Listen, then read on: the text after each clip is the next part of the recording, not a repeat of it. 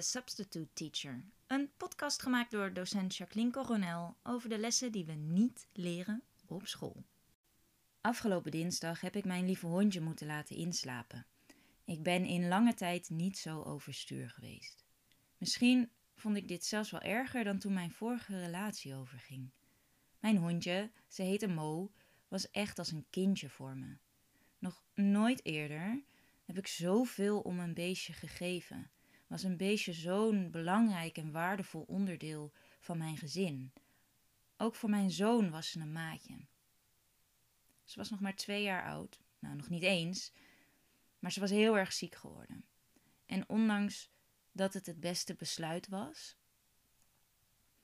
had ik toch de gedachte: shit, had ik dit maar beter gedaan? Had ik maar.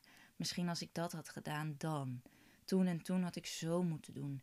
Ik had haar nog meer liefde moeten geven, nog meer aandacht, nog meer knuffeltjes, nog meer. Ik had meer moeten doen. De spijt en het gevoel van falen kwam hier flink de kop opsteken. In een van mijn eerdere podcasts had ik het al over dat ik vind dat deze maatschappij alleen maar gericht is op presteren. Over spijt of falen hoor je niks. Alsof het niet mag, alsof niemand het doet. Er heerst een taboe op. Nou, geloof me, zonder fouten, zonder falen, zonder spijt leer je niks. En dit zeg ik ook altijd tegen studenten: maak alsjeblieft fouten. Je kan niks verkeerds vragen of zeggen of antwoorden, want je leert er alleen maar van. En dat brengt je weer verder. Maar goed, op falen worden we eigenlijk niet voorbereid.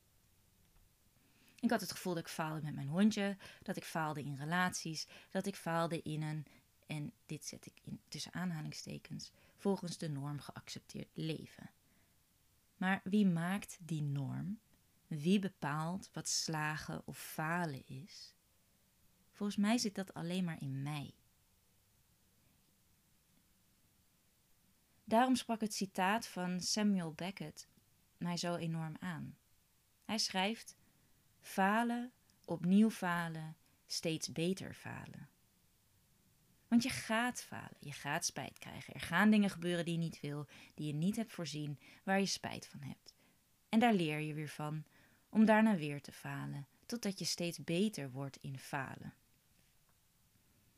Dingen gaan heel vaak niet zoals je wilt dat ze gaan. We denken controle te hebben, maar dat hebben we niet. De kunst is om hiermee te leren omgaan en niet aan onderdoor te gaan of te blijven malen en blijven denken: wat als, had ik maar. Met het gevoel van falen kun je op twee manieren omgaan. Je kan het buiten jezelf plaatsen, de ander de schuld geven of een ander de schuld geven, maar dan ben je heel erg verwijderd van jezelf. Je kan ook jezelf een mislukkeling vinden. Had ik maar die gedachte. Beide manieren zijn pijnlijk en behoorlijk agressief naar jezelf toe. Maar hoe kan het dan wel? Allereerst kun je, en dit heb ik weer van mijn grote vriendin Pemma geleerd. Allereerst kun je bedenken wat er nou wat gebeurt er nou precies? Bedenk wat er nou precies gebeurt als iets mislukt. Een mislukking is namelijk vaak juist een opening om anders te gaan denken, creatief te worden, iets te leren. En kun je dan, als je het zo bekijkt, nog spreken van een mislukking? Als het je juist een nieuwe kant op stuurt. Misschien was het dan juist wel een gelukking. Dat woord bestaat niet, heb ik net zelf bedacht. En in plaats van jezelf voor de gek houden of de schuld ergens anders neerleggen of jezelf te straffen, zou je ook kunnen gaan voelen. Ga eens voelen wat er in je gebeurt wanneer de dingen niet gaan zoals je wilde dat ze gaan. Wees nieuwsgierig. Onderzoek het. de omstandigheden wat buiten jou is, wat gebeurt er dan binnen jou? Wat zijn de innerlijke dialogen? Wat zijn de woorden? Welke woorden kies je om tegen jezelf te praten? En hoe ga je daar dan allemaal mee om? Ik ben een mislukking. of ik faal. Dat is niet zo lief om tegen jezelf te zeggen. Want het heeft daar ook namelijk mee te maken. Het heeft ook te maken met lief zijn voor jezelf. En oeh, daar heb ik heel lang heel veel moeite mee gehad. Lief zijn voor mezelf. Ik was echt heel hard voor mezelf. Ik kon mezelf zo afstraffen. En gelukkig spreek ik nu in de verleden tijd, want ik heb lief zijn voor mezelf omarmd. Weet je wat het is? Als je niet in je eigen hart kan kijken, als je niet de compassie voor jezelf kan vinden, hoe kun je dat dan voor anderen vinden? Hoe kun je dan anderen helpen? Hoe kun je er dan voor anderen zijn?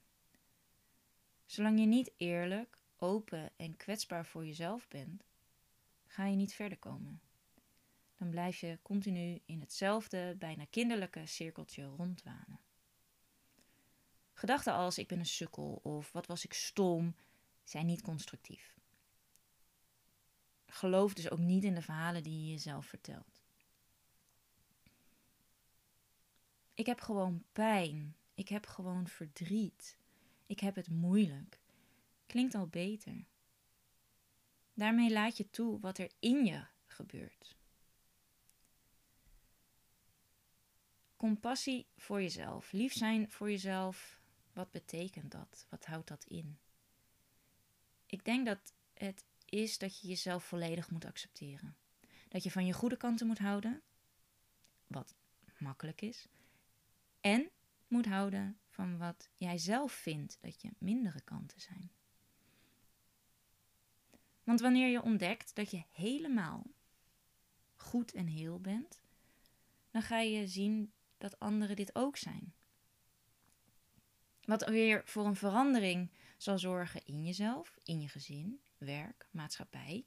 Wellicht heeft het dan wel zo'n heel druppeleffect. Terug naar mijn eigen gedachten. Had ik maar. Ik had verdriet. Veel verdriet. En dat mag, want ik hield veel van het beestje. Ik hou nog steeds heel veel van het beestje. Ik had haar nog veel langer bij ons willen houden, maar dat was niet goed voor haar geweest. En dan had ik die keuze ook gemaakt vanuit mijn eigen ego, of voor mijn eigen ego. Alles om haar bij me te houden. Ik heb er goed aan gedaan mezelf opzij te zetten en aan haar te denken. Zij kon zo niet leven, zij was ziek. Ik heb haar een prachtig en liefdevol warm huis gegeven voor de periode dat ze bij ons was, hoe kort dit ook was. Ze heeft het echt goed gehad bij ons. Het is geen mislukking en het is niet falen. In het leven ga je echt nog wel vaker omvergegooid worden. Gaan er echt nog wel dingen gebeuren die je niet wil, waar je van baalt. En dan heb je de keuze om te blijven liggen of om weer op te staan. Kies er altijd voor om weer op te staan. Maar daarbij weet je ook dat je even verderop weer omvergegooid gaat worden. Maar dan zul je merken dat opstaan een beetje makkelijker wordt. Falen, opnieuw falen, steeds beter falen. Dat maakt je een moedig mens. Bedankt voor het luisteren. Ik wens je een fijne week. Laten we blijven falen.